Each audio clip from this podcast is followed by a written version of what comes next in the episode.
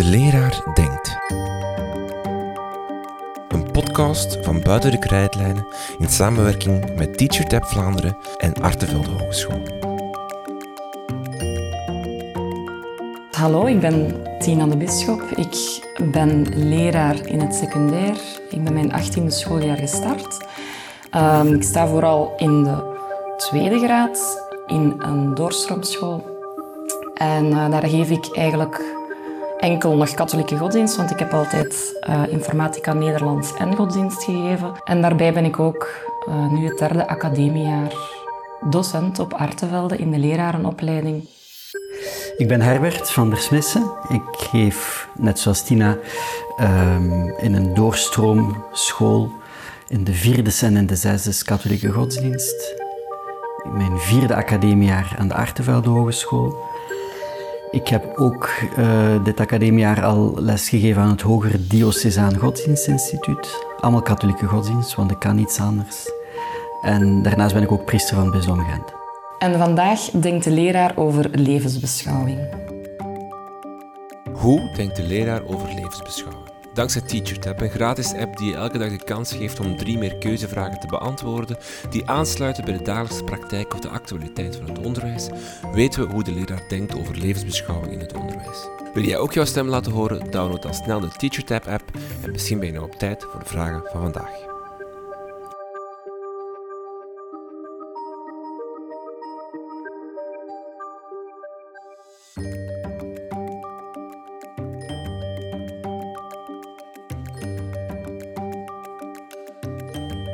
Dag Tina, dag Herbert, welkom in de podcast. We praten over levensbeschouwing vandaag. Uh, een actueel thema, mag ik wel zeggen, in deze tijden. Uh, en mijn eerste vraag is eigenlijk... Mijn eerste vraag wil ik het woordje levensbeschouwing even uittypen. Mag ik dat gelijkstellen aan godsdienst? Ja, in die zin dat een godsdienst een levensbeschouwing is. Maar niet elke levensbeschouwing is een godsdienst. Want bijvoorbeeld het woordje zedeleer komt daar dan ook bij. Dat is... Zedeleer is dan niet confessioneel, dat is humanisme, niet religieus, maar dat is ook een levensbeschouwing. Eigenlijk is alles, de manier hoe, dat, hoe dat je naar de wereld kijkt, hoe dat je naar de mens kijkt, uh, is levensbeschouwing. Filosofie? Zeker. Ja, je bent altijd met het beschouwen van leven bezig. Ja, als je het inderdaad letterlijk bekijkt, gaat het inderdaad over hoe beschouwen mensen het leven. Ik ken bepaalde theologen die zeggen, levensbeschouwing, eigenlijk bestaat dat niet als iets aparts. Wij, wij maken daar iets aparts van. Wiskunde is misschien ook levensbeschouwing. Als je het hebt over de pure wiskunde, dan... Ja. ja. ik ken echt een, een, wiskundeleraar die effectief ook met zijn leerlingen beschouwt hoe dat die dingen daar zijn gekomen en daar echt in zijn derde graad, die kiest voor acht uur wiskunde, tijd voor maakt, om daar ook echt op een filosofische manier aan levensbeschouwing te gaan doen. Ja. Vanaf het moment dat het uw, uw levensvisie, uw mensvisie, uw wereldvisie en in ons geval dan komt er een godsvisie bij, maar dat hoeft helemaal niet. Zijn we bezig over levensbeschouwing.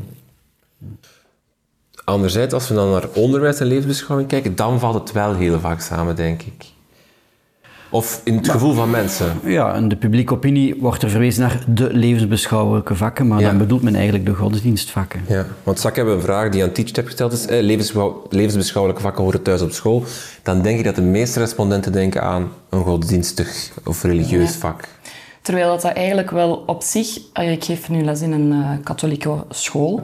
En daar zijn natuurlijk... Het zou, het zou heel fijn zijn mochten leerlingen kiezen voor die katholieke school vanwege mijn vak. Uh, en voor gemeenschapsonderwijs vanwege andere redenen. Maar uiteraard kiezen mensen vandaag de dag zeker niet meer um, voor dat vak. En zeker niet op een katholieke school. Um, voor de dus, koepel zelfs niet. Nee, voilà. Dus eigenlijk zijn het grootste deel van mijn leerlingen die voor mijn neus zitten, zijn helemaal niet bezig met katholieke godsdienst of helemaal niet bezig met, uh, in, in de hele enge zin van het woord, met katholieke godsdienst. Dus op zich, op dat vlak, uh, doen wij heel vaak aan levensbeschouwing in de, in de hele brede zin van het woord. Um, maar natuurlijk nooit neutraal. En dat is natuurlijk wat er gebeurt uh, in, het, in die levensbeschouwelijke vakken, hè, waar dan mensen dan hun mening over vormen, gaat het dan natuurlijk daarover dat, ja, dat wij als godsdienstleraar met die leerlingen een, een soort van levensbeschouwelijke groei, een andere taal iets, iets wat we hen willen bijbrengen, wat we hen willen aanleren, een aantal doelen die we met hen willen bereiken, ehm, die met levensbeschouwing te maken hebben. En dat is jammer dat dat dan inderdaad heel erg verengd wordt in de publieke opinie uh, tot een aantal zaken die er misschien niet altijd allemaal mee te maken hebben. Het is geen catechese. Het is niet de bedoeling om zieltjes te winnen, want dat werkt ook niet. Ik denk, ik denk, dat dat inderdaad het probleem is bij hoe noemen we het vak. Hè? Dus mhm. wij staan er zelf nogal op om dat uh, katholieke godsdienst te noemen. Ik zelf dan nog Rooms-Katholieke godsdienst, omdat ik nogal een pietje precies ben op dat vlak. Maar dat, dat geeft dan heel snel de indruk van, oei, ze geven catechese, terwijl we dat niet geven. En dus is het misschien veiliger om dan maar te spreken over levensbeschouwelijke vakken. Dat zit dan minder in die godsdienstige hoek tussen aanhalingstekens. Um, bon, goed, ja. Dus ja, ik, ik, geef een levensbeschouwelijk vak, zeg ik dan, om er mij gemakkelijk van af te maken. De reden dat we dit thema nu behandelen is een beetje door de actualiteit gestuurd. We hebben de reeks God Vergeten gehad op Canvas die veel deining veroorzaakt heeft. We hebben uh, in, aan het begin van het schooljaar ook een aantal uh, directeurs gehad die, die over dat levensbeschouwelijk onderwijs vragen stelden van dit is organisatorisch niet meer haalbaar. Uh, we hadden de hele na nasleep van die reeks Vergeten, waarbij dat bijvoorbeeld op de VRT de vraag gesteld werd, moeten misvieringen nog uitgezonden worden en zo verder. En als we gaan kijken naar TeacherTap, dan werd daar in 2021 de vraag gesteld: horen levensbeschouwelijke vakken thuis op school? Dan was toen nog een meerderheid, 26% was het er helemaal mee eens, 35% was het daar mee eens. Tegenover 13% mee oneens en 10% heel mee oneens. Nu hebben ze die vraag opnieuw gesteld, recent in 23. En daarbij zien we dat dat aantal dat er mee eens was, gezakt is naar uh, nog net 49 procent. Dus net onder de minderheid. Al mogen we het helemaal stellen, want er is een percentage, een redelijk deelpercentage zelfs, dat uh, neutraal stemt. Uh, dus er zijn altijd een, meerdere, of meer mensen mee eens dan mee oneens, maar het aantal zakt wel duidelijk, zullen we maar zeggen. Hoe kijken jullie naar die cijfers? Ik denk natuurlijk dat uh, zeker de reeks Godsvergeten daarin heeft meegespeeld en de deining die dat veroorzaakt heeft bij de mensen, de deining die het ook gekregen heeft in de media. Um, daar komen we misschien zelfs dan nog op terug, waar dat ook veel op één hoop gegooid geworden geweest is. Um, dus dat gaat zeker een, een invloed hebben gehad. Een andere invloed die we ook meer en meer merken, ook bij onze studenten van Artevelde, en dat hoor ik ook van de andere collega's in de hogescholen, is natuurlijk dat die secularisatie, waar we al zoveel over gesproken hebben, dat die zich ook meer en meer laat voelen en dat de generaties ook opschuiven en dat degenen die afstand hebben van de kerk, van het geloof, van de godsdienst, dat die groep alsmaar groter wordt. Uh, dat zal zonder enige twijfel denk ik ook uh, daarin meespelen. Maar goed, ja, het is een vak onder, druk, hè, want het past ook niet altijd binnen nut en efficiëntie van wat men denkt dat het onderwijs moet zijn. Um, een andere discussie, en dat kwam toen samen, is van ja, wat doen we met de gemeenschapsschool, het officiële net, waar dat inderdaad, behalve katholieke godsdienst, ook nog protestantse godsdienst moet aangeboden worden, islamitische godsdienst aangeboden moet worden, uh, niet-confessionele zedeleer moet aangeboden worden. Als er een boeddhist is, moet die er ook nog zijn. Um, alle erkende godsdiensten. Dan snap ik dat die directeurs wel zeggen, ja, dat is voor ons een zodanige puzzel dat dat eigenlijk niet meer houdbaar is. Uh, dus ik denk dat er daar echt dat dat een heel genuanceerd, um, een heel genuanceerde oorzaak heeft waarom dat die cijfers aan dalen zijn. En toegevoegd misschien, als ik dat nog mag zeggen, is ook dat parallel daarmee op mijn secundaire school, maar misschien ook op die van jou en anderen, ook wel het gesprek gevoerd wordt over heel veel andere vakken die uh, mogelijk met de onderwijshervorming onder druk komen te staan en waar men zich luid op afvraagt, moet Duits nog gegeven worden? Moet uh, er een extra uur... Ja, plastische opvoeding, muziek enzovoort. Maar het verschil zit natuurlijk in het feit dat wij twee, op dit moment door de wet twee beschermde uren hebben, die ook wel natuurlijk een deel vrevel veroorzaken soms bij collega's die andere vakken geven en waar gezegd wordt, ja, die andere dat is een stukje schoolkeuze en inrichting van de school en op welke manier doen we dat. En dat eigenlijk die twee uren ik vind dat gelukkig, gelukkig niet ter discussie staan. Dat komt door de grondwet, hè? Ja. ja. Kun je Ja. dat even uitleggen voor de mensen die niet mee zijn? Wel, er is vrijheid van, van onderwijs. En dus hebben mensen recht om te kiezen waar ze en in welke... eh, waar ik zal zeggen, eerst waar ze, waar ze onderwijs genieten, om het Ja. zo te zeggen. Want voor ons zeker, en voor onze leerlingen ook, ook is het hopelijk genieten, hè, is het onderwijs. Ehm, goed, en dan, dan moet de overheid daarin voorzien. Dat zijn de officiële scholen. Maar het staat iedereen vrij om onderwijs te organiseren. En dus heeft de katholieke kerk ooit besloten van te zeggen van wij gaan onderwijs aanbieden.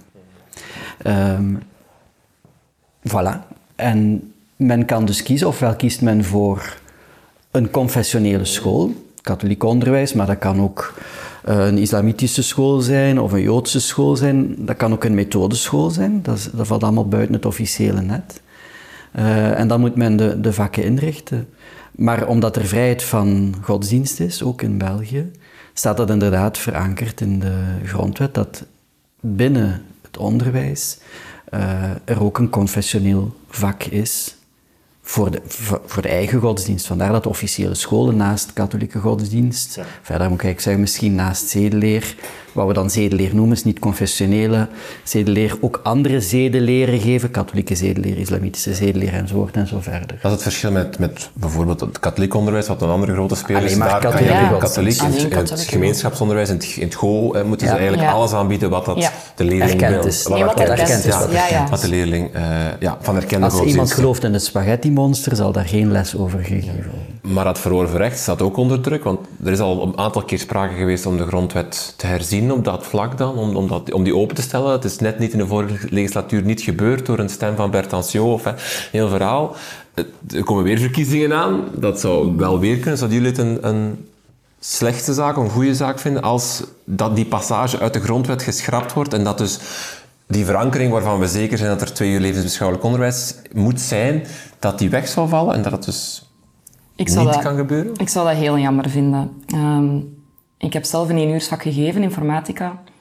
En dat was bij ons op school één uur per week. En, ehm, ik denk dat wat je kan verwezenlijken in twee lesuren met de leerlingen, en zeker met het, het doel van het vak, wat levensbeschouwelijke groei bevorderen is, eh, dat is, blijft het grootste doel van ons vak. En dat vraagt, zoals ik daarnet zei, een andere taal, een andere mindset, een andere instelling eh, dan bij de andere vakken. En ik ben er eigenlijk van overtuigd dat het, het zou kunnen op één lesuur.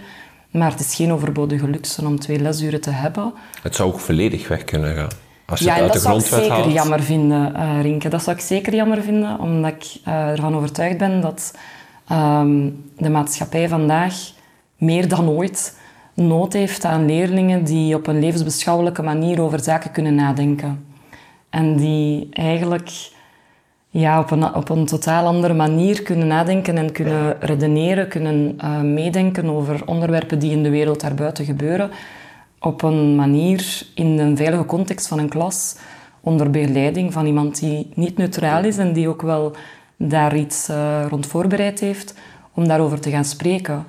En ik ken heel veel volwassenen die heel veel moeite hebben met die taal, met die levensbeschouwelijke elementen. En dat vind ik eigenlijk wel jammer. Ik probeer dat zeker bij mijn leerlingen te bewerkstelligen.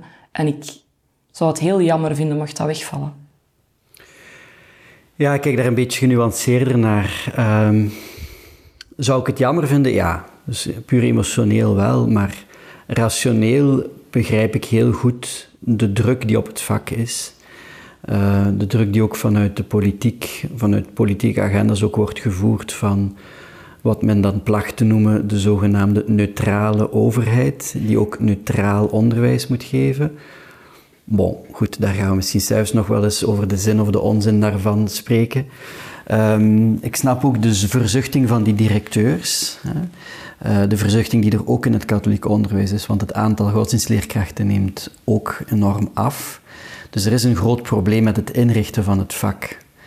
Ehm, dat is een praktische overweging die ik daarbij maak. Dus ik twijfel absoluut niet, zoals Tina zegt, aan de zinvolheid of aan de inhoud van het vak en de noodzaak, absoluut niet aan de noodzaak van het vak. Maar ik, ik, ik volg die praktische redeneringen daar rond. wel. De verankering in de grondwet is misschien wat, wat ver.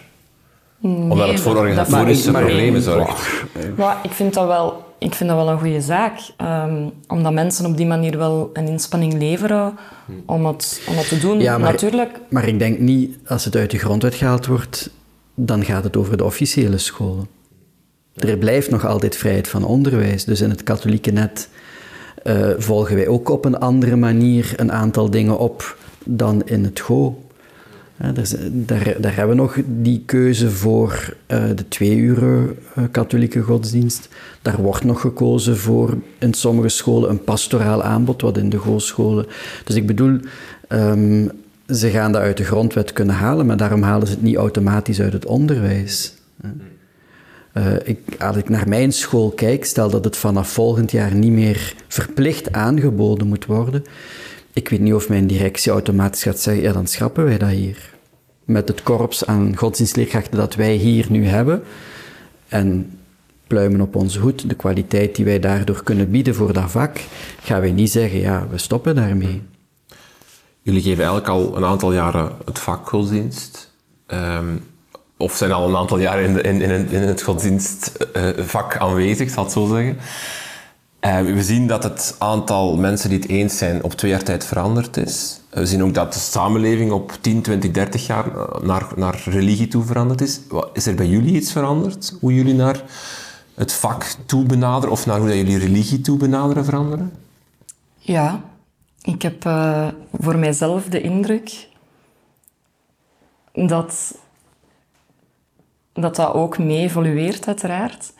En dat is grappig, want we hebben daar vorige week, denk ik, ook nog een gesprek over gehad. Dat ik het gevoel heb dat ik zelf katholieker word.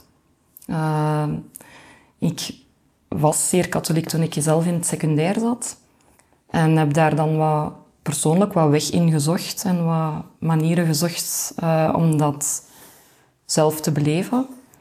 En ehm, ja, eigenlijk nu door eh, opnieuw mij enorm te verdiepen, door op de hogeschool les te geven en mijzelf opnieuw enorm te verdiepen, ehm, merk ik dat dat toch ook een impact heeft op mijn eigen geloof en op, mijn, op de manier waarop ik daarin sta. Ook in de gesprekken die ik voer met anderen. Ehm, rond mij voel ik dat dat, ja, dat dat toch een pak katholieker is dan pakweg vijf jaar geleden. Eh, ik vermoed dat jij ook doelt op bijvoorbeeld de afleveringen van God Vergeten. Ja. Of de operatie Kelk, tien jaar geleden ongeveer Ja, zeker. wel, dat, dat, is inderdaad... dingen, eh. Voor mij is dat toen al, al gebeurd. Hè. Daar is toen al, eh, al wel... ehm, ik heb daar toen al een enorme weerslag van gehad, ik zal het zo zeggen. Ehm, dat heeft zich zeker herhaald nu met die, eh, met die afleveringen te bekijken. En weerslag als in twijfel? Of, of dat je dan nadenkt van... Voor mij heeft dat op zich weinig te maken met persoonlijk geloof. Ehm, maar wat het zeker wel doet, is dat ik telkens opnieuw zeer teleurgesteld ben over de manier waarop dat met zo'n zaken omgegaan wordt en hoe log eh, het allemaal verloopt en is. Dus dat is, die impact heeft dat zeker gehad. En ook in gesprek met anderen vind ik dat... Ik vind dat heel moeilijk, omdat, het, omdat, je weinig, omdat ik voel dat er op dit moment in de maatschappij met de mensen rond mij weinig gesprek mogelijk is. Omdat dat lijkt altijd op een verdedigen van de katholieke kerk. En ik voel mij ook altijd in die hoek geduwd van, ver- verdedig dat nu een keer? Eh, wa- wat valt daar eigenlijk over te zeggen? Maar elk element dat je daar wil over zeggen, ja, dat is nooit toereikend. dat, is, dat is gewoon eh, heel lastig om daar iets over te kunnen zeggen. Ehm, maar voor mij staat dat eigenlijk wel los van mijzelf als individu. Eh, en ook van mijn leraarschap, van mijn godsdienstleraarschap. Ben ik juist als ik... Ik heb het gevoel dat zo'n reeks als God Vergeten of zo'n operatie Kelk of het misbruik dat dan naar buiten komt, dat dat mensen die al niet echt geloven, nog minder empathie doen krijgen met de kerk of met het geloof. En dat mensen die wel geloven daar anders mee omgaan of daar eh, dat dan scheiden van elkaar en dan wel teleurgesteld zijn in het instituut? Of zie je ook, hoor je ook bij mensen die, die, die, ook, die ook geloven in, in- in, in de katholieke kerk of in de katholieke godsdienst, dan twijfel opkomen? Ja, ehm, het is natuurlijk zeer genuanceerd, die hele situatie. Ehm, ik denk dat iedereen Enfin, ik zal het anders zeggen. Ik heb op uh, een zondag, ik sta buiten de mensen op te wachten als ik de mis doe. En er was een journalist daar, want het was die zondag dat de brief van de bisschoppen werd voorgelezen. En die journalist stelde de binnenkomende mensen een aantal vragen. Uh, en zei, mag ik aan u ook een paar vragen stellen? Ik zeg ja. En uh, hij zei, ja, uh, raakt het u, de serie God vergeten? En ik zei, ja, dat raakt mij. Ah ja, zei hij, want jij bent toch van de kerk? En dan dacht ik, ja, ik heb dat ook gezegd, zeg, was dat nu voor een domme opmerking die je naar mij maakt? Alsof dat ik die van de kerk ben, in de ogen van veel mensen. Of dat nu als godsdienstleraar is of als priester, hè, of beide. Tuurlijk raakt mij dat. Waarom zou mij dat als mens en als priester en als leraar niet raken? Um, en dan zei je, en toch staat je hier. Of staat hier nu omdat ik hier sta? Ik zeg, nee, ik sta altijd buiten. Ik zeg, waarom zou ik mij nu moeten wegsteken? Of zou ik dat nu niet doen? Dus eh, ik denk dat iedere gelovige door die verhalen gekwetst is. En ontgoocheld en gedegoteerd en alles wat daarbij komt. Um, en dat is bij mensen binnen en buiten de kerk zo. Ik denk dat niemand daar naar die beelden kan kijken, naar die interviews kan kijken en kan zeggen, ja, dat was nu een keer informatief. Hè, daar hebben we iets van opgestoken. Dat gaat tot op het bot en daar voorbij. Hè. En dat is voor ons zo, dus je kunt dan maar inbeelden hoe dat, dat is voor wie dat werkelijk heeft meegemaakt. Dat dat dan nog een keer veel erger is. Bevraagt u dat als gelovige enorm? Ja, tuurlijk. Ook, ook van degenen die van het instituut of in het instituut zijn. Hè. Um, maar dat heb ik toen ook gezegd. Ik zeg, dat heeft voor mij niets, maar dan ook absoluut niets te maken met de God waarin ik geloof. Dat staat daar mijlenver van. Um, het is niet omdat ik geloof in God en in zijn boodschap en in zijn zoon, dat ik akkoord ben met wat er allemaal misgelopen is in de kerk. Um, en dat mis ik soms een beetje in, in de gesprekken. En dan zit je heel rap in de discussie van, ja, ziet je het wel, je gaat weer, uh, uh, je gaat weer de verdediging opnemen. Maar er, er gaat, of er is, jammer genoeg, soms de nuance uh, wordt volledig aan voorbij gegaan. Er is zoiets als persoonlijk geloof. Er is zoiets als persoonlijk geloof dat je samen met anderen wil beleven. Dat gebeurt dan in de gemeenschap van, van de kerk. En er zit institutioneel en ergens liggen die met elkaar verbonden, maar ergens vallen die ook wel uit elkaar. En of het nu gaat over de tv-missen, of het vakgodsdienst, of de subsidiëring van de kerk, nu wordt alles op één hoopje gegooid, want er is iets verschrikkelijks gebeurd, wat uiteraard zo is. Dus wat, dat, wat dat wij met de hogeschoolstudenten gedaan hebben, omdat van hen kwam op een bepaald moment de vraag, ja, we willen er eigenlijk wel eens over delen met elkaar, hebben eigenlijk in drie rondes gewerkt. Um, wat doet dat met u als mens? Hè? Dus die, echt die eerste emoties die we allemaal hebben. Uh, de tweede ronde was, ja, zoals gezegd, de operatie Kelk enzovoort. Zijn er vragen, inhoudelijke nuances, die nu bijvoorbeeld, omdat de getuigenissen met recht en reden, is één deel van het verhaal. Zijn er dingen die we daar nog naast kunnen plaatsen, aan nuanceringen, niet aan goed praten, hè? Maar aan nuanceringen, aan uitdieping, informatie enzovoort en verder. En de derde ronde was dan, wat betekent dat nu voor mij als godsdienstleraar? Want uh, Tina zegt, ja, uh, dat staat een stukje los van mij, ik ben daar niet volledig mee eens. Je wordt als godsdienstleerkracht gemandateerd door het bisdom. Dus je werkt ook, je wordt niet betaald, maar je werkt wel voor het instituut. De bisschop zet zijn stempel onder uw contract. Dus je ik snap wel dat je zegt van in hoofden en in gevoelen sta ik los van dat instituut. En dat was ook een vraag die vanuit de studenten kwam. Ik zeg het een beetje sterker dan dat uh, Tina het bedoelt, maar ja, je bent wel op een of andere manier ook wel deel van dat instituut. En als je dat terugkoppelt naar de student of naar collega's godsdienst, dan verandert opeens hun blik en snappen ze, voor een stukje de moeilijkheid waar dat ik soms mee zit als priester, omdat ze ja, die is van het instituut en die hoort erbij en dat is ook een van die club. Ja, we zijn allemaal van die club. Dus uh, we moeten die verantwoordelijkheid opnemen om te veranderen wat er moet veranderen. Ook al zijn we zelf geen dader, geen verantwoordelijke, wij als binnenkerkelijke moeten ook onze stem laten horen in die situatie en zeggen van oké, uh, zo gaan wij niet om met mensen en dit doen we niet meer. En hoe gaan we nu uh, dat Log-instituut, hoe gaan we dat tij nu keren? Hm. Heb je het ter sprake gebracht in, in de klas, in, in, in het secundair onderwijs? De reeks? Als, eh, nee, eigenlijk niet expliciet. In, in een aantal klassen, dus de hogeschoolstudenten hebben het ter sprake gebracht en een aantal individuele leerlingen hebben mij ook ter sprake gebracht. Dan heb ik altijd gevraagd aan de klas, wie heeft dat gezien? Uh, wie heeft ervan gehoord? En dan merkte ik eigenlijk dat, uh, wat mijn leerling betreft, dat dat een absolute minderheid was. Dat we wel met het team godsdienstleerkrachten overlegd van, oké, gaan we daar iets, gaan we dat zelf ter sprake brengen?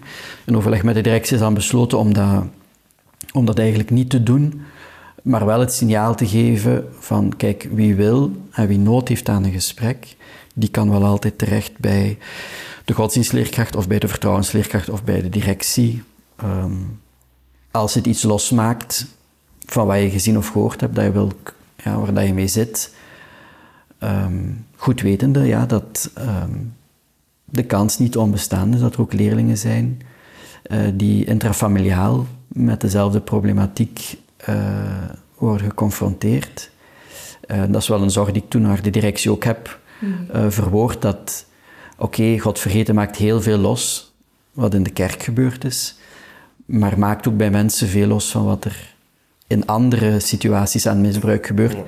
En daar moeten we, vind ik, uh, vond die journalist ook heel vreemd dat ik op een gegeven moment ook aan andere mensen dacht. Want die dacht dat ik alleen maar met mezelf bezig was natuurlijk. En de kerk. Um, maar ik vind dat we daar ook uh, niet aan voorbij mogen. Nog een keer, dat is niet minimaliseren, dat is niet wegduwen. Maar dat is wel de realiteit van de school. Hè? Dat, um, dat leerlingen daar zitten vanuit zeer diverse achtergronden, vanuit zeer diverse thuissituaties. En dat God vergeten zo'n dingen uh, ter sprake brengt en losmaakt. En soms hoop ik dan de stap kan zijn naar herstel ook voor hen. Je haalde het daarnet al even aan, Tina. Het zorgt ook wel voor het feit dat, dat godsdienstleerkracht zijn niet zo vanzelfsprekend meer is, dat je het vaak moet uitleggen. Deze podcast is er omdat er een stagiair bij ons aan de slag was buiten de krijtlijn, Silke Verbrugge. En die, uh, vroeg, ik vroeg aan haar welk thema moet ik eens behandelen in de podcast en ze zei levensbeschouwing, want ik moet dat constant uitleggen aan mensen waarom ik dat doe. Ze moest zich heel vaak en verantwoorden voor haar keuze mm. om, om godsdienst te gaan geven, om leerkracht godsdienst te worden. Herkennen jullie dat? Onze, onze, studenten op de Kattenberg die zeggen inderdaad in het eerste jaar tegen mij, uh, mevrouw, dat voelt een beetje als uit de kast komen. Dat voelt een beetje alsof ik mij oud als, als gelovige of als godsdienstleraar of godsdienstleraar in spe. En ik ervaar toch bij die studenten dat daarvoor kiezen, dat dat inderdaad niet zo'n vanzelfsprekende keuze is. En als we daar dan over in gesprek gaan van hoe komt dat eigenlijk dat je dan voor dat vak kiest, dan zijn er een groot deel van de studenten die dat vanuit hun gelovig zijn doen en vanuit, het, uh, vanuit, het, vanuit hun persoonlijk geloof. En daar dan de stap naar zetten om, om godsdienstleraar te worden. En gelukkig ook, en dat is ook een pluim op onze noot, uh, gelukkig ook heel veel goede godsdienstleraren hebben gehad, die hen in het secundair um, hebben kunnen tonen op welke manier dat, dat vak ook kan gegeven worden. En van daaruit de keuze dan maken om, om ook godsdienstleraar te worden. Maar het is inderdaad niet zo evident, dat is waar. Ik krijg heel vaak, ik denk dat dat misschien bij jou anders is, Herbert, maar ik krijg heel vaak, omdat je ook priester bent bedoel ik, maar ik krijg heel vaak van mensen heel goed bedoelde opmerkingen. Zo, als ik mensen laat raden welke vakken ik geef die mij niet kennen, of die, eh, dan is godsdienst het laatste waar ze aan denken. Um, mensen die ik nieuw leer kennen, waar ik probeer ik soms in gesprek te vermijden om dat onmiddellijk te zeggen. En dan krijg ik soms ook zelfs van ouders... Amai, ja, maar jij bent wel heel uh, kleurrijk bijvoorbeeld voor een godsdienstleraar. Ja, ja. Uh, waar ik dan altijd op mijn tanden moet bijten om daar niet in gesprek over te gaan van... Ah, is dat een compliment dan? Hoe moet een godsdienstleraar er dan uitzien? Of, het is altijd heel, heel interessant om daar dan toch op in te gaan. En dat gaat dan natuurlijk weer over die perceptie hè, van aan de ene kant wat het, wat het moet zijn, wie het moet geven, op welke manier dan en wie die mensen zijn dat dat dan doen. Terwijl, ja, voor mij was het een hele evidente keuze om, om godsdienst te kiezen en om dat te geven al, al die jaren. Ik denk ook dat het ruimer zit. Hè? Uh, ik denk dat niet alleen de godsdienstleerkrachten zijn die zich moeten verantwoorden, maar iedereen die met niet met levensbeschouwing bezig is, dan ga ik het wel bewust gebruiken, maar iedereen die met godsdienst bezig is in deze tijd, in deze maatschappij, daarom zijn we in een geseculariseerde tijd ook, hè, moet zich verantwoorden. Het past niet in onze, in onze wereld, past niet meer in onze wereld. Hè. Ehm, en dus moet je uitleggen waarom dat je godsdienst geeft, waarom dat je op zondag naar de mis gaat hè, en toch kleurrijk bent. Ik ben niet zo kleurrijk als Tina, maar toch ook nog een beetje kleurrijk. Ik vind jou super kleurrijk. uh, dus, maar dat is gewoon het probleem. Hè? Dus dat, um, ja, er is in onze, in onze moderne tijd steeds minder ruimte voor religie, voor zingeving. En, en dus moet je inderdaad, zoals Tina zegt, wat onze leerlingen, onze studenten zeggen, hè, moet je, heeft, geeft dat gevoel van ik moet uit de kast komen. Ik moet op een bepaald moment zeggen, ja, ik ben zo. Ja, ik geloof. En in het begin is dat een enorme drempel. Dat merken wij ook um, op de hogeschool. Dat dat zelfs naar ons, hun docenten, soms is van... Oh, stel geen vragen over hoe dat ik daar nu over denk, of wat dat ik daar nu van geloof of niet geloof. Want dat is, dat is een enorme drempel waar zij over moeten. Um, en dat is zeer jammer natuurlijk. Moet je gelovig zijn als je godsdienst wil geven? Absoluut. Ja, absoluut. Wij zeggen, wij zeggen tegen de studenten in de eerste lessen al dat we dat binnen perspectief super belangrijk vinden. En dat het absoluut belangrijk is om dat te exploreren. En tijdens een opleiding kunnen ze, hebben ze daar nog alle ruimte voor en creëren we daar ook ruimte voor op de Kattenberg om te zorgen dat ze ja, daar kunnen mee aan de slag gaan. Maar ik zou ja, het is niet de bedoeling dat studenten afstuderen die letterlijk zeggen: Ik geloof eigenlijk helemaal niet. Nee. En ik heb absoluut geen binnenperspectief. Dat is niet de bedoeling. En waarom niet? Kan niet. Ja, nee. Omdat we dat mandaat krijgen, wat Herbert net uitgelegd heeft. We krijgen dat mandaat en het is, het is niet neutraal. Dit is geen neutraal vak dat wij geven. En dat, is, dat wordt gegeven vanuit een niet-neutrale houding. Mijn leerlingen weten ook waar ik voor sta en wat ik, van waaruit ik spreek, zodanig dat ik ook op die manier bij hen ook levensbeschouwelijke groei kan uh, bewerkstelligen. En dat gaat niet over je moet het met mij eens zijn. Dat gaat over en denk nu zelf ook na op welke manier dat jij het leven beschouwt.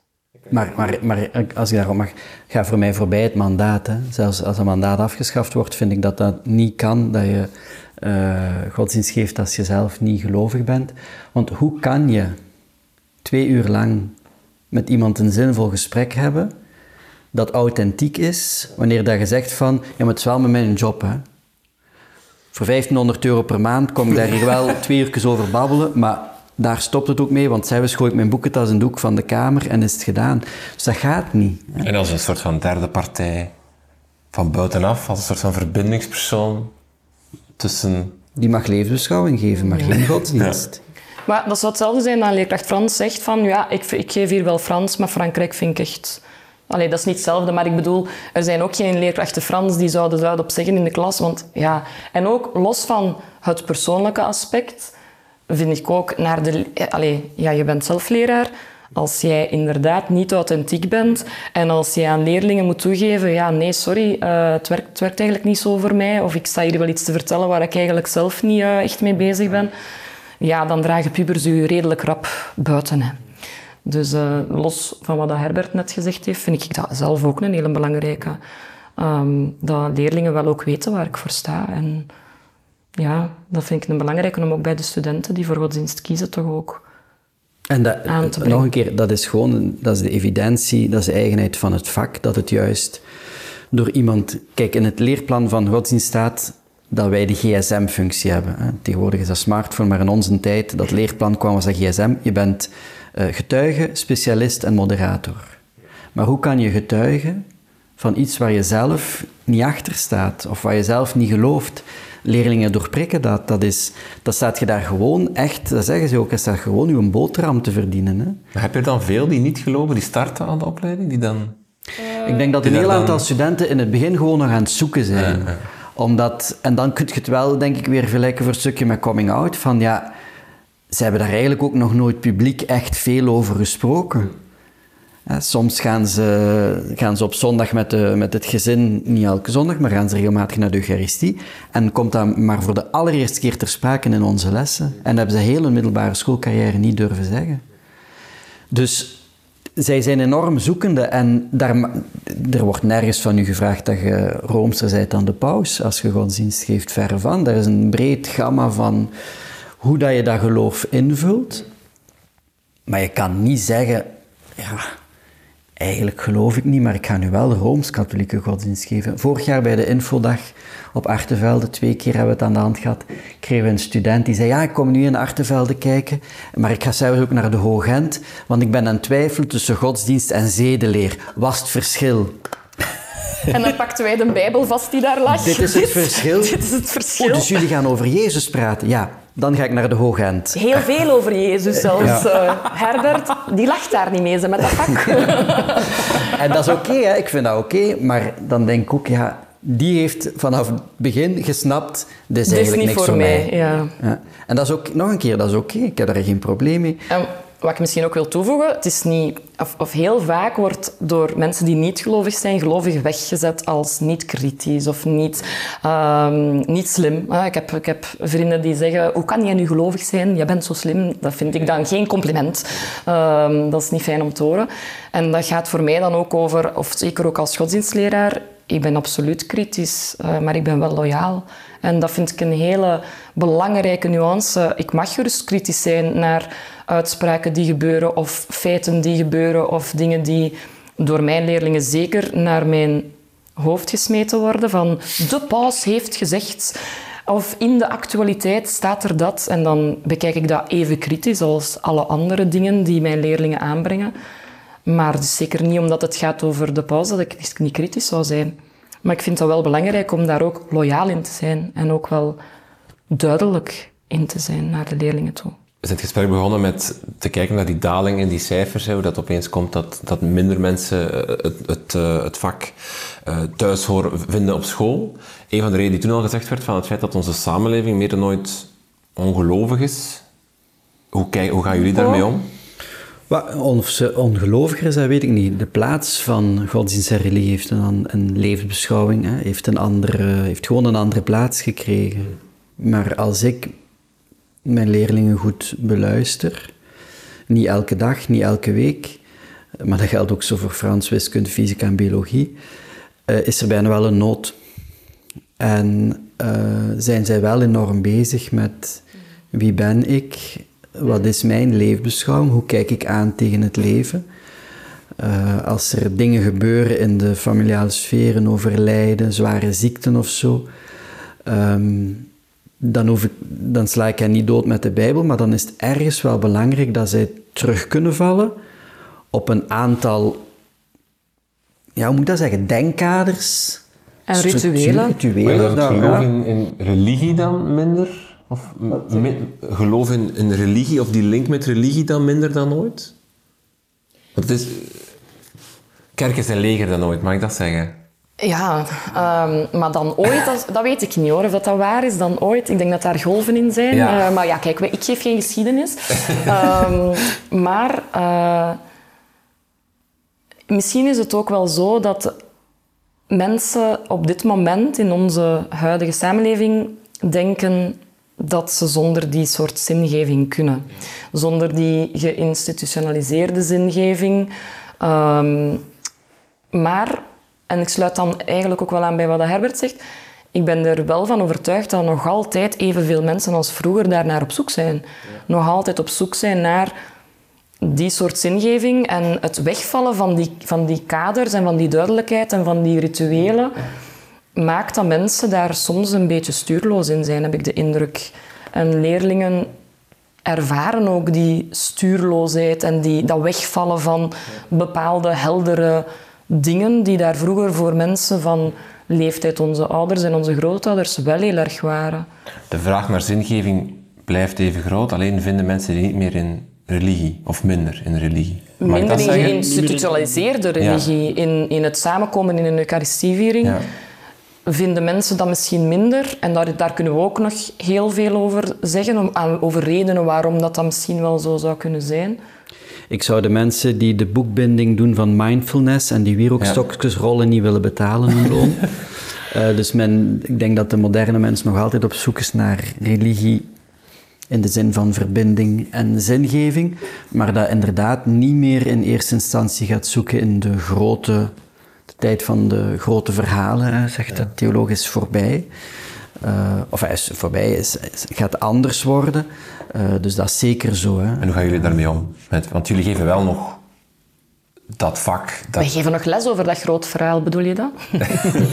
maar jullie, jullie, jullie vertegenwoordigen, ik zal even dat woord gebruiken, wel nog uh, een, een, een Rooms-Katholieke godsdienst, dus wel nog een, een, een, religie waar nu minder mensen zich naartoe keren om die zingeving te vinden. Ze gaan liever naar mindfulness of naar wierookstokjes.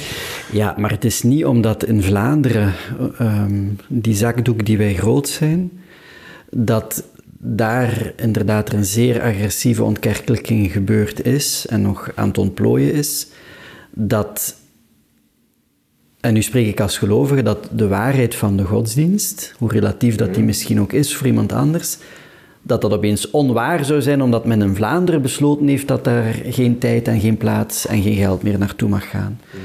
En dat is wel het belangrijke dat ik aan mijn leerlingen ook probeer te vertellen. Ik wil niemand op zondag uh, naar de kerk krijgen, alhoewel ik wel elke zondag op mijn Instagram post dat iedereen welkom is.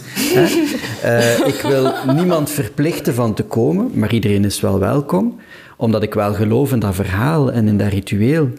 En mijn doel, en ik denk dat van Tina en van heel veel collega's, is ook gewoon in confrontatie met de grote verhalen, de grote cultuur, de grote godsdiensten, zijn die leerlingen echt wel capabel om voor zichzelf uit te maken: hier vind ik iets, of hier vind ik niets. En dat is ook goed. Uh, en dat is uiteindelijk de bedoeling van het vak godsdienst: hè, dat we de leerling in botsing met andere meningen over een eigen mening laten nadenken en zo laten groeien in wat betekent het voor mij, welke plaats heeft dit geloof wel of niet voor mij. Um, als we lessen geven, enfin, het zesde moet nog komen als het gaat over de figuur van Jezus. Ja, je hoeft geen gelovige te zijn om bij die mens inspirerende dingen terug te vinden. Ik vind Mahatma Gandhi, uh, Martin Luther King en nog vele anderen vind ik razend interessant. Dat wil daarom niet zeggen dat ik ook, zoals Mahatma Gandhi, uh, door het leven ga en dat ik opeens mijn geloof ga afzweren en zo. Maar ik haal daar wel dingen voor mezelf uit en dat is geen enkel, geen enkel probleem. En dat proberen wij bij onze leerlingen uiteindelijk ook te doen. Van oké, jullie zijn op zoek, we gaan nu een kader aanbieden waar wij ongelooflijk fan van zijn. En dan is dat nu, hè. Zijt je het daarmee eens, zijt je het daar niet mee eens? Ga de confrontatie aan, maar weet wel, als je er tegen bent, waar tegen dat je bent. En niet meegaan op die holle slogans waar dat de wereld vol van loopt, maar voor jezelf, hè, je bent verstandig denkende mensen. We gaan een keer het gesprek aan en we gaan een keer horen wat zijn de andere meningen. En zit er iemand, dat zijn dan die interlevensbeschouwelijke dialoog en de interlevensbeschouwelijke competenties. Zijn er met een andere mening? Oké, dan brengen we die binnen en dan luisteren we daar ook naar. Dus zo de, de vooringenomenheid dat wij neutraal dat vak moeten geven, één, kan niet. Hè, want ik ben gepassioneerd, ik sta gepassioneerd in mijn vak. Maar het is niet omdat ik gepassioneerd ben, dat ik blind ben voor de realiteit. En dat ik die realiteit niet kan binnenbrengen in mijn les. Dus er is geen enkele meerwaarde van een neutraal levensbeschouwelijk vak. Want wat doen die meer dan dat ik nu al ben aan het doen? De vraag wordt ook gesteld, welke inhoud verkies je voor levensbeschouwelijke vakken? 11% kiest daarvoor focus op één levensbeschouwing, dus eh, zoals het nu is, denk ik mag ik zeggen. Maar het staat er niet tussen. Wat we, wat we doen staat er niet tussen. Hè? 27% staat, kiest voor een mix van verschillende levensbeschouwingen, zonder voorkeur. En 56% kiest voor een vrije samenstelling, waarbij levensbeschouwing, filosofie en cultuur maar, samenkomt. Maar, maar wat, ik, ik, vraag me dan altijd af, hè? wat is dat dan neutraal? Wel, het woordje neutraal wordt niet vermeld, maar dat, maar ja, dat, is dat is waar de meerderheid voor kiezen. Een vrije samenstelling. Ja, wat is dan die vrije samenstelling? De leraar is vrij van ik zal het anders, vooroordelen. En ik van... zal het anders formuleren. Je voelt dat, dat, het, dat religie, godsdienst, dat daar in onze samenleving, en zei net al, dat daar een negatieve bijklank bij komt. Bij het institutioneel. Bij het institutioneel, maar dat wordt vaak aan elkaar gekoppeld. Zou het helpen als je leesbeschouwing, wat, wat, wat misschien niet kan, hè, maar dat je het religie vrijmaakt en dat je wel diezelfde vragen stelt, dat je wel probeert zingeving te geven, maar, niet vertrekkende vanuit de religie. Op dat moment dat je zegt van ik ga nu levensbeschouwing geven, maar niet religieus, Ja, hè, ja. neemt je opnieuw een standpunt in. Ja, klopt, maar het, maar het, het, het En is dan is misschien dus- een standpunt dat dichter bij de huidige samenleving ligt. Ik weet niet of al mijn leerlingen zo humanistisch zijn als dat het humanisme is. Nee, het is dat. En nee, nee, ik ben het er ook eigenlijk helemaal Ja, niet eens, sorry. Want, wat, wat ik wou toevoegen, wat, los van wat Herbert net zegt, wat we effectief doen in het katholiek onderwijs. Ik spreek nu wel echt over het katholiek onderwijs, waar ik dus leerlingen voor mijn neus heb die... ehm, een heel ruim eh, scala van gelovig tot ongelovig, van eh, moslim over eh, katholieken, van leerlingen die zeggen ik heb dat bekeken en ik heb er niks mee, over leerlingen die zeggen ik heb dat bekeken en, ehm, of ik heb dat niet bekeken, ik weet er eigenlijk niet zo heel veel over. En voilà. Dus al die soorten leerlingen zitten voor mijn neus, dat is dus anders dan in het gooi inderdaad, dus daar kan ik niks over zeggen vanuit mijn expertise. Ehm, maar het, het is wel natuurlijk heel interessant, omdat je naar mijn gevoel alleen maar die groei kan bewerkstelligen als je, zoals Herbert daarnet zei, dingen binnenbrengt. En je brengt een eigen perspectief binnen vanuit een binnenperspectief in dat gesprek met de leerlingen. En op die manier schraap je en bots je inderdaad met de leerlingen van oké, ehm, daag je ze uit om ook dat binnenperspectief te gaan onderzoeken. En het is dus niet meer dan fair dat, dat mijn leerlingen weten waar ik voor sta. Want ik kan niet pretenderen want dat blijft het. Hè. Als je pretendeert dat je neutraal bent, dan blijft het altijd ofwel een zwijgen, ofwel een verzwijgen van wat je er echt over denkt of hoe je er echt in staat. En dat is niet authentiek, dat is niet fair tegenover die leerlingen, eh, van wie we wel vragen om ook op een levensbeschouwelijke manier met onder andere die interlevensbeschouwelijke competenties aan de slag te gaan. Een leerling mogen niets anders denken dan mij. Ze mogen daar heel anders over denken. Maar het gaat net over, oké, dat, is- dat be- beschouwen als iets interessants. Oké, interessant dat jij er zo over denkt. En hoe kunnen we daar op die manier mee omgaan in de les, samen? Is dat ook een denkfout die vaak gebeurt in, in godsdienstonderwijs, zeker in het katholiek onderwijs, waar jullie de, de dialoog eh, willen aangaan? Dat, dat jullie niet proberen om mensen te overtuigen van jullie godsdienst, maar jullie godsdienst aanreiken om... Maar Rinke, heb je al eens geprobeerd om een 14-jarige te overtuigen Nee, van wel, jouw maar- mening? Serieuze Heerst dat, vraag, gevoel, heer- heerst dat gevoel niet bij Maar mensen? ik daar- denk dat- En wat, wat ik niet altijd hoor, is dat jullie eh, inzichten eh, vanuit de Rooms-Katholieke godsdienst aanbrengen En daarmee hè? leerlingen uitdagen, eh, vragen laten stellen, om zelf tot een inzicht te komen dat dan al dan niet strookt met, met, allee, met wat dat ze willen. Ik denk dat het beeld dat mensen van het Ja. vak godsdienst hebben, nog eens, is dat wij catechese geven. Ja, voilà, voilà. En dat is totaal niet waar. Ja. Hè, maar als wij eh, bijvoorbeeld in de zesde, zo, als het gaat over ethische discussies, euthanasie hè, of abortus, maakt mij niet zoveel niet uit. Wat is het neutrale standpunt daarover? Dat bestaat niet. hè. Natuurlijk bestaat dat niet. Maar neutraliteit bestaat op zich niet zelf. hè. Ja, maar ik ben wel zelfs- blij dat jij dat ook zegt, Ja. dat dat niet bestaat. Nee, er zijn nee, heel nee. veel mensen En dus die wat vinden... is dan het... Wat Ja, is dan, ben ik zeer... zeer allee, want Ja. we kunnen over levensbeschouwelijke tekens gaan praten ook straks. En was, dat, was dan juist, was dan juist het, het interessante dat ik een gekleurde mening, die nog een keer niet populair is, binnenbreng en verdedig. En daarmee gaat aan het einde van mijn les geen enkele leerling mij meer aan mijn kant staan dan... Het zou wel kunnen dat ze nuanceerder gaan nadenken. Omdat ik een aantal elementen binnenbreng, vanuit studies, vanuit de ethiek, vanuit hoe dat we naar een aantal dingen kijken, waardoor dat ze denken, atje, zo had ik het eigenlijk nog niet bekeken, daar ga ik nog eens verder over nadenken. En dat is uiteindelijk het doel van het vak leefbeschouwing. En ik doe dat inderdaad als Rooms-Katholiek vanuit mijn achtergrond. Ik ga niet verdedigen waar ik minder van weet of wat dat mijn godsdienst niet is en waar ik niet authentiek vanuit kan praten. Wat ook interessant is, is dat de maatschappij worstelt met religie, met, met, met levensbeschouwing. Te- maar tegelijkertijd, onderwijs en levensbeschouwing zijn wel nog altijd heel hard met elkaar verstrengeld. Hè. Een van de grootste aanbieders van onderwijs is een levensbeschouwelijke instelling, de katholieke Oh. kerk. Je hebt de Ja. debat rond levensbeschouwelijke eh, tekens in, in onderwijs, dat altijd goed. Dus er is wel een soort van ja, band die historisch gegroeid is tussen, tussen godsdienst, levensbeschouwing en onderwijs. Ik denk dat veel directies daar, eh, en misschien ook mensen in de koepel van eh, de Gimaarstraat, van het katholiek onderwijs, daar op dit moment niet zo heel gelukkig mee gaan zijn, dat je zo sterk die link nog altijd legt eh, Ja. tussen het, opnieuw het institutionele, de kerk, de parochie en automatisch is gelijk aan het katholiek onderwijs. Het katholiek onderwijs is inderdaad de grootste aanbieder van het onderwijs in Vlaanderen. Eh, is historisch gezien vanuit het katholieke de kerk en de parochie en zo gesticht en opgericht enzovoort en zo verder. Maar is nu wel een koepel die, die aan het zoeken is ook van wat betekent het voor ons. Niet om nog katholiek te zijn, maar hoe kunnen we vandaag... Wat betekent dat vandaag, dat woordje katholiek? Waar staat dat voor? Staat dat voor traditie? Staat dat voor eh, pedagogie? Enzovoort en zo verder. Hè?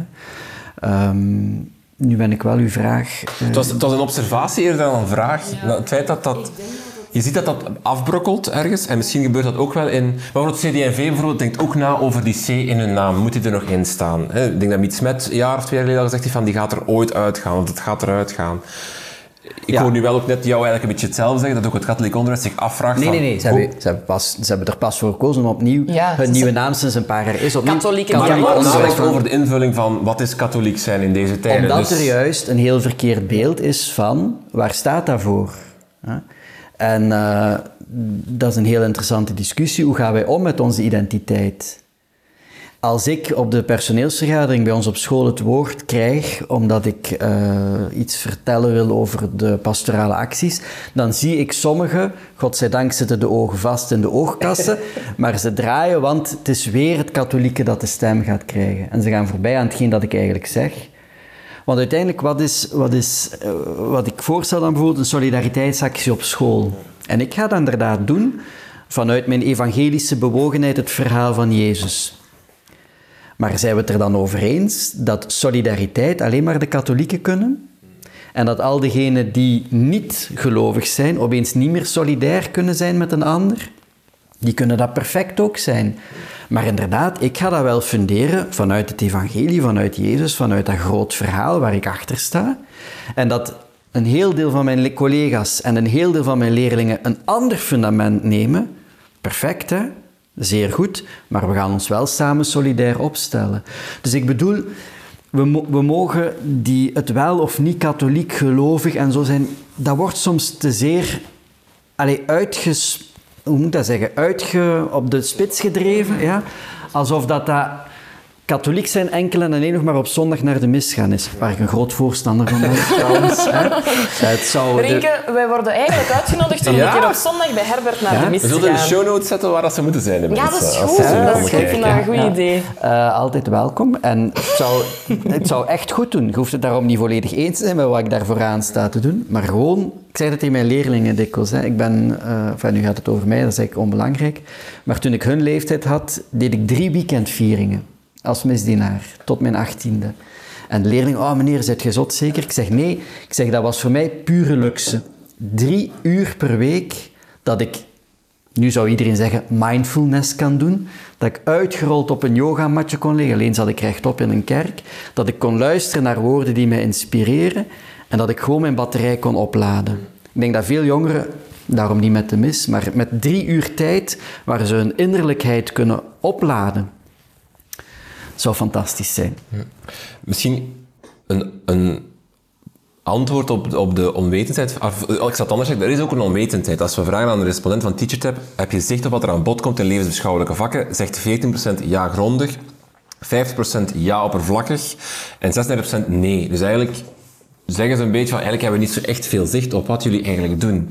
Als we dan spreken over het feit dat men catechese en, en godsdienstlessen met elkaar eh verward, kan dat dan ook daaraan liggen, het feit dat men te weinig weet wat er gebeurt in godsdienstlessen? Tina gaat dat als expert perfect kunnen uitleggen. Wij maken elke les een driehoek. Ons leerplan eh, voor katholieke godsdienst eh, is eigenlijk opgebouwd aan de hand van een driehoek die elke godsdienstleraar in elke les, in elk thema, in elke lessenreeks moet maken. Ehm, wij verbinden drie elementen. Wij verbinden aan de ene kant de traditie, ehm, datgene waar we voor staan en waar we al heel de tijd nu over aan het praten zijn, dat katholiek verhaal, Rooms-katholiek Rooms-katholiek verhaal. Aan de andere kant verbinden we de leerling of de identiteit van de leerling. En dan komt een derde pijler erbij, de pluraliteit of de, ma- de maatschappij, de wereld daarbuiten. Dus die drie kunnen niet los van elkaar. En dus het idee dat er leeft, bijvoorbeeld dat we catechese zouden geven, dat we enkel zouden focussen op traditie, Dat kan ook gewoon niet volgens het leerplan.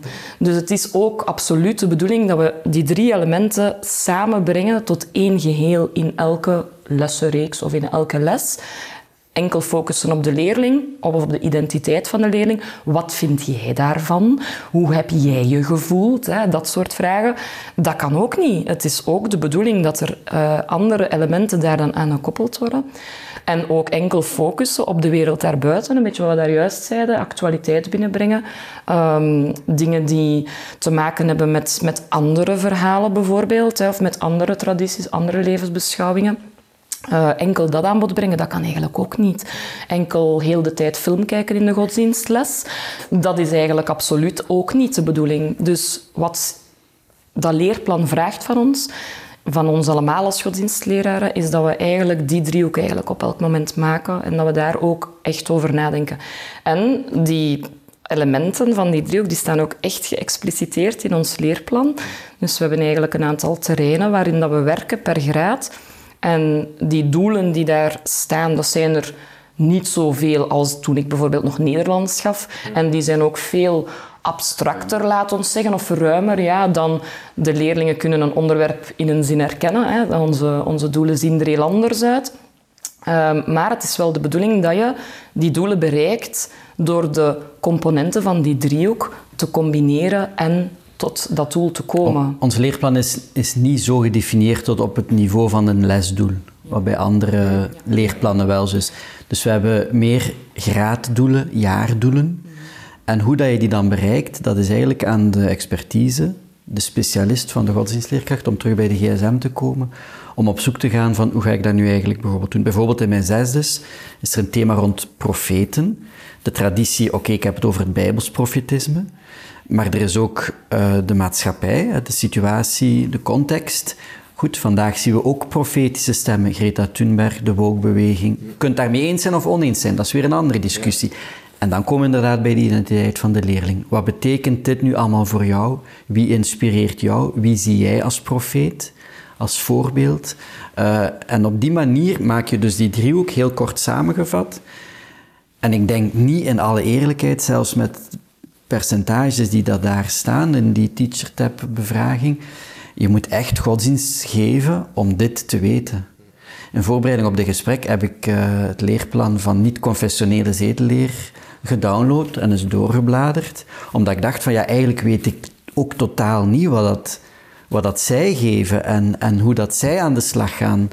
Um, en of, of dat zij neutraler zijn dan ons. Hè. Um, dus ja, ik denk dat er een heel, nog altijd dat er een zeer groot vooroordeel is. Dat ze ofwel denken, het is catechese, ofwel dat ze denken, ja, het is, het is een de zweefclub. Ja. De zweefclub. Of het is Wel, een dat tweede, dat tweede voordeel wil ik ook even naartoe. Het feit dat het zo, soms wordt gezegd als oh, een beetje praten, een film zien, uh, weet ik veel wat. Zo, dat, dat, gevoel, eerst soms ook wel.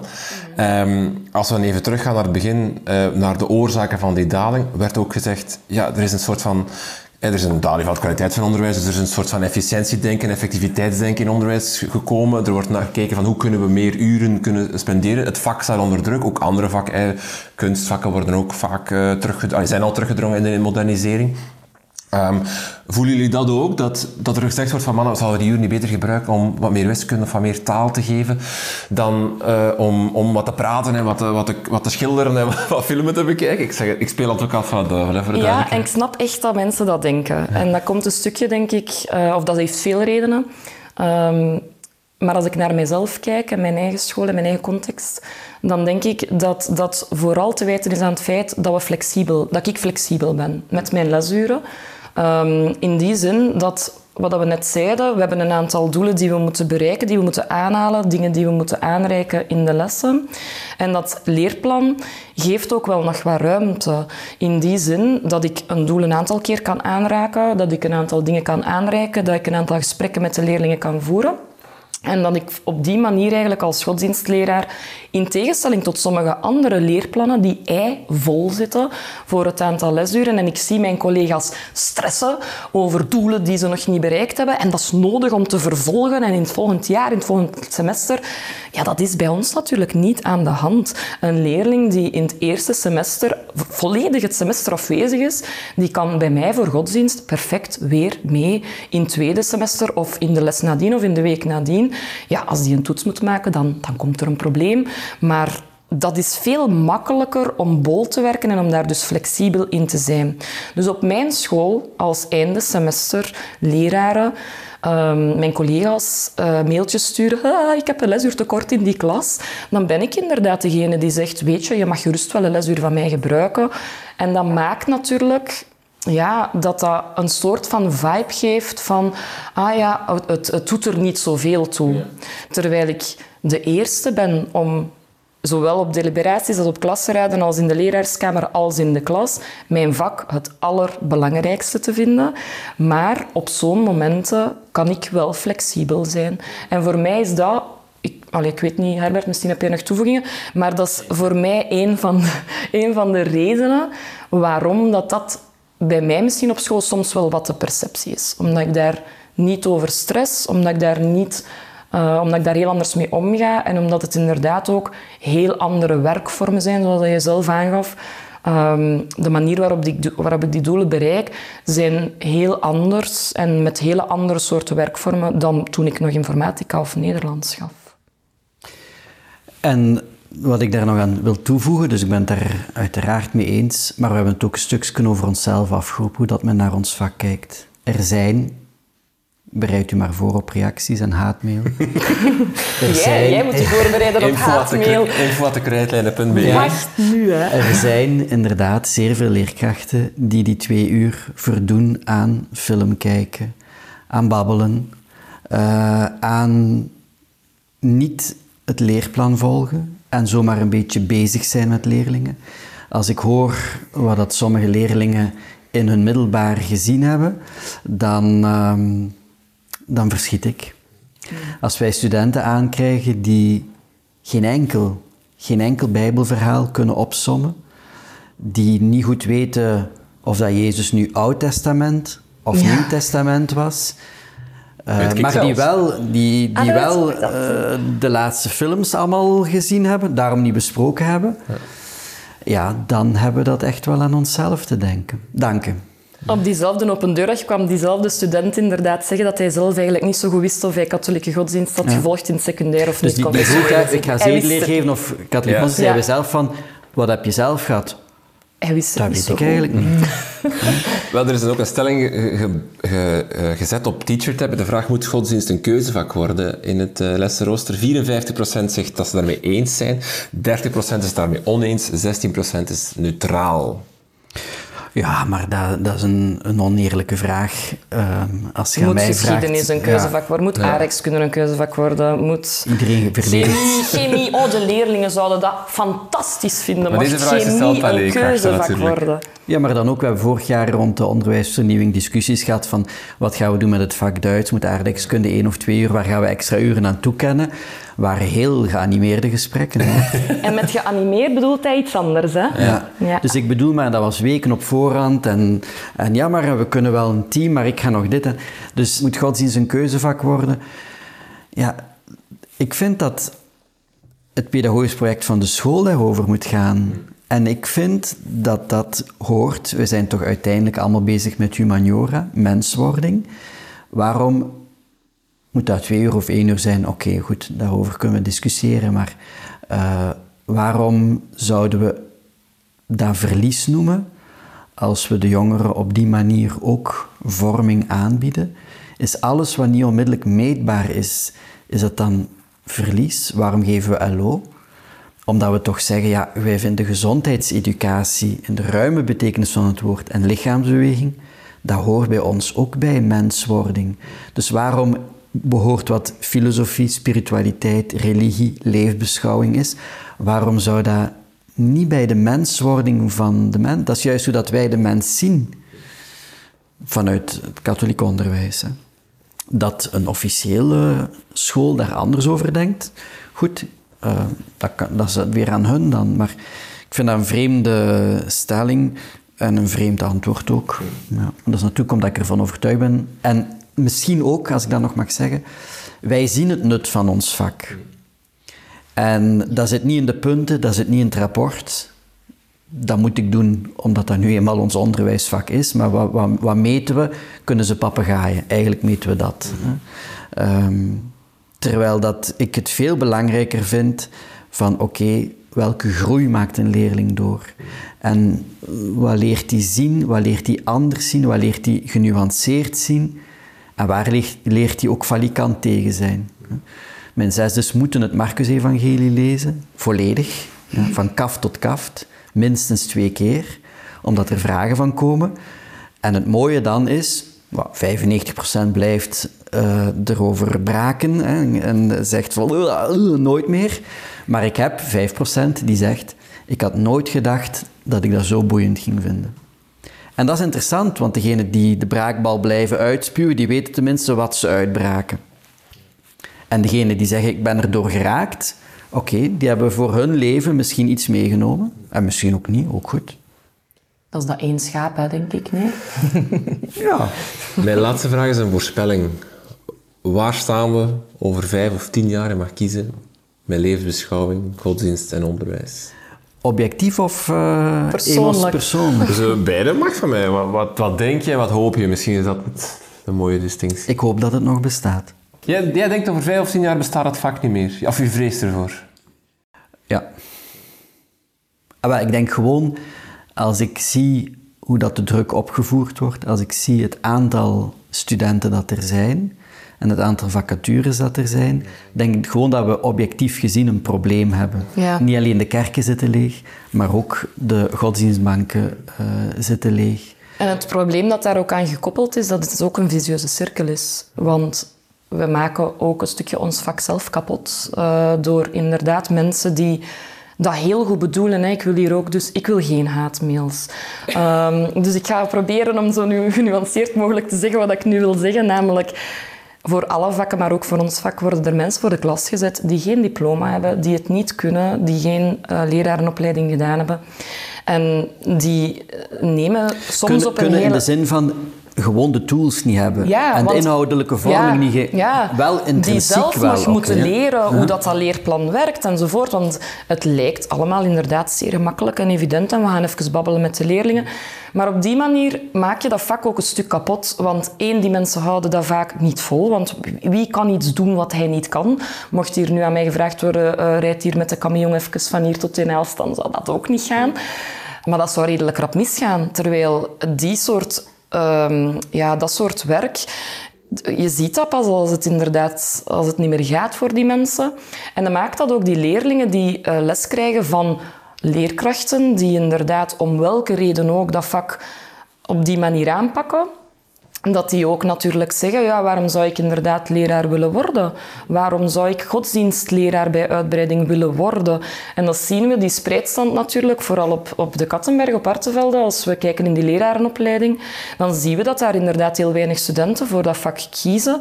En dat heeft heel veel redenen, hè? Ook, waar, ook waar we het al over gehad hebben. Maar voor mij zit het ook een stuk daar. Ik zie heel veel collega's met heel veel goede moed starten in mijn vakgroep, waarvan ik dan echt, ik bewonder dat, hè, dat je dat wilt doen. Want mocht aan mij gevraagd worden, geef nu een gans jaar wiskunde. Ja, nee, sorry, ik kan dat niet. En dat wordt veel te weinig gezegd over ons vak. Ik kan dat niet. Ik, dat, allee, dat, wordt, dat wordt maar vanuit gegaan dat dat zomaar kan. En dat iedereen dat kan. En dat iedereen het kan. En dat is een probleem. Dat is echt een probleem, waardoor dat ik, ik, ik wil niet, maar ik moet Herbert bijtreden dat ik ook vrees dat het inderdaad zichzelf van binnenuit ook een stuk uitholt. Studenten die toekomen die nul weten over de evangelie, die nul weten over waarover dat het vak eigenlijk gaat. Ik vind echt dat dat niet kan. En ik, ik snap ook wel directeurs die zeggen... Ja, ja, ik, ik heb drie klassen ja, die een gans schooljaar twee uur per week in de studie zitten. Dus er, er, ik heb geen oplossing, maar ik zie wel het levensgroot probleem.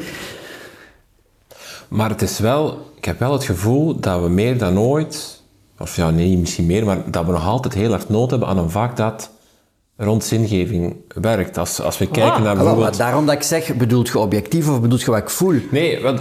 Want objectief Ja. zie ik een probleem, maar als je mij morgen minister van Onderwijs maakt... Oh, dat zou nog een keer een goed idee Oh, zijn. dat weet ik niet, dat weet ik niet. Nee, nee, dat gaan we Rienke. Als, als Herbert minister van Onderwijs wordt, dan gaan we Nee, maar als je kijkt naar, de, naar hoe- hoeveel jongeren er, er worstelen met identiteit, hoeveel Absoluut. depressie dat er heerst Tuurlijk. onder jongeren, hoeveel... hoe- allee, Absoluut, ja. En dat is zeker Dus de- gelinkt aan elkaar. Dus de nood aan, aan, aan zingeving. Aan kaders.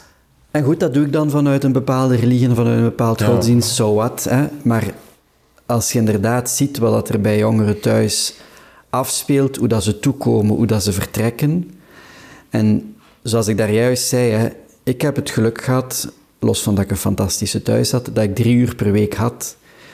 Het vak godsdienst is voor sommige jongeren wel die twee uur dat ze een keer op adem kunnen komen, kunnen nadenken, mogen reflecteren, hun vragen mogen stellen zoals die in hun opkomen, hun mening mogen zeggen, wat die ook is. Ook is dat een heel foute mening, hè? dus ik sta er echt op dat mijn les een vrijplaats is. Hè? Daar mag alles gezegd worden op een correcte manier natuurlijk, en we gaan niet schelden en niet roepen en tieren, maar elke mening mag wel klinken. En waar kan een jongere dat vandaag de dag nog doen? En ik slaag er zelfs niet in, in mijn lessen, om die veilige ruimte voor hen te waarborgen. Omdat ze zich zo gecontroleerd en bekeken en de druk voelen. Klein voorbeeldje, ik ben nu bezig met een thema rond ontmoeten. En een van de vragen die ik stel is, je mag iemand wereldwijd kiezen wie je wil ontmoeten. Goeie vraag. Omdat de, de clue is, de studie heeft aangewezen, even tussendoor een beetje lesgeven, hè, eh, dat tussen u en die persoon Ja, zeven ja. stappen zitten. Hè. In elke klas zijn er op mijn twintig leerlingen vijf, zes, zeven tot de helft die het gewoonweg niet luidop durven zeggen, uit schrik van wat een ander hen zou, zou op aanvallen. Dus er is een enorme druk bij onze jongeren. En het vak godsdienst, dat geloof ik heilig, helpt die jongeren, alle jongeren, hoe verwoord ik mijn mening, hoe communiceer ik geweldloos en dan in het bijzonder ook welke plaats kan religie, godsdienst, leefbeschouwing krijgen, want waar gaan ze dat nog horen? Niet op televisie. Ik zou Barack Obama kiezen, denk ik. Maar dat is Ja? super cliché. Maar Ja, dat ik weet niet of dat cliché is. Mogen ze dood zijn, Herbert, of moeten ze Dat is leven? moeilijk, hè, want die zeven personen... Ah ja, zo ik leer ja. wel heel veel nieuwe mensen kennen. Mr. ja. Beast, geen idee wie dat, dat is. YouTuber. Ne- Ja, blijkbaar. net vandaag nog maar een artikel Ja. over gelezen, toevallig. Eh, Oké, we zijn aan het afwijken. Eh, Tina de Bisschop, Herbert van der Smissen, heel veel dank voor dit Graag gesprek. gedaan. Graag gedaan, ja.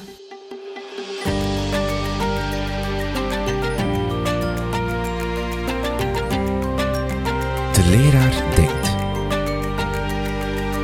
Een podcast van Buiten de Krijtlijnen in samenwerking met TeacherTap Vlaanderen en Artevelde Hogeschool.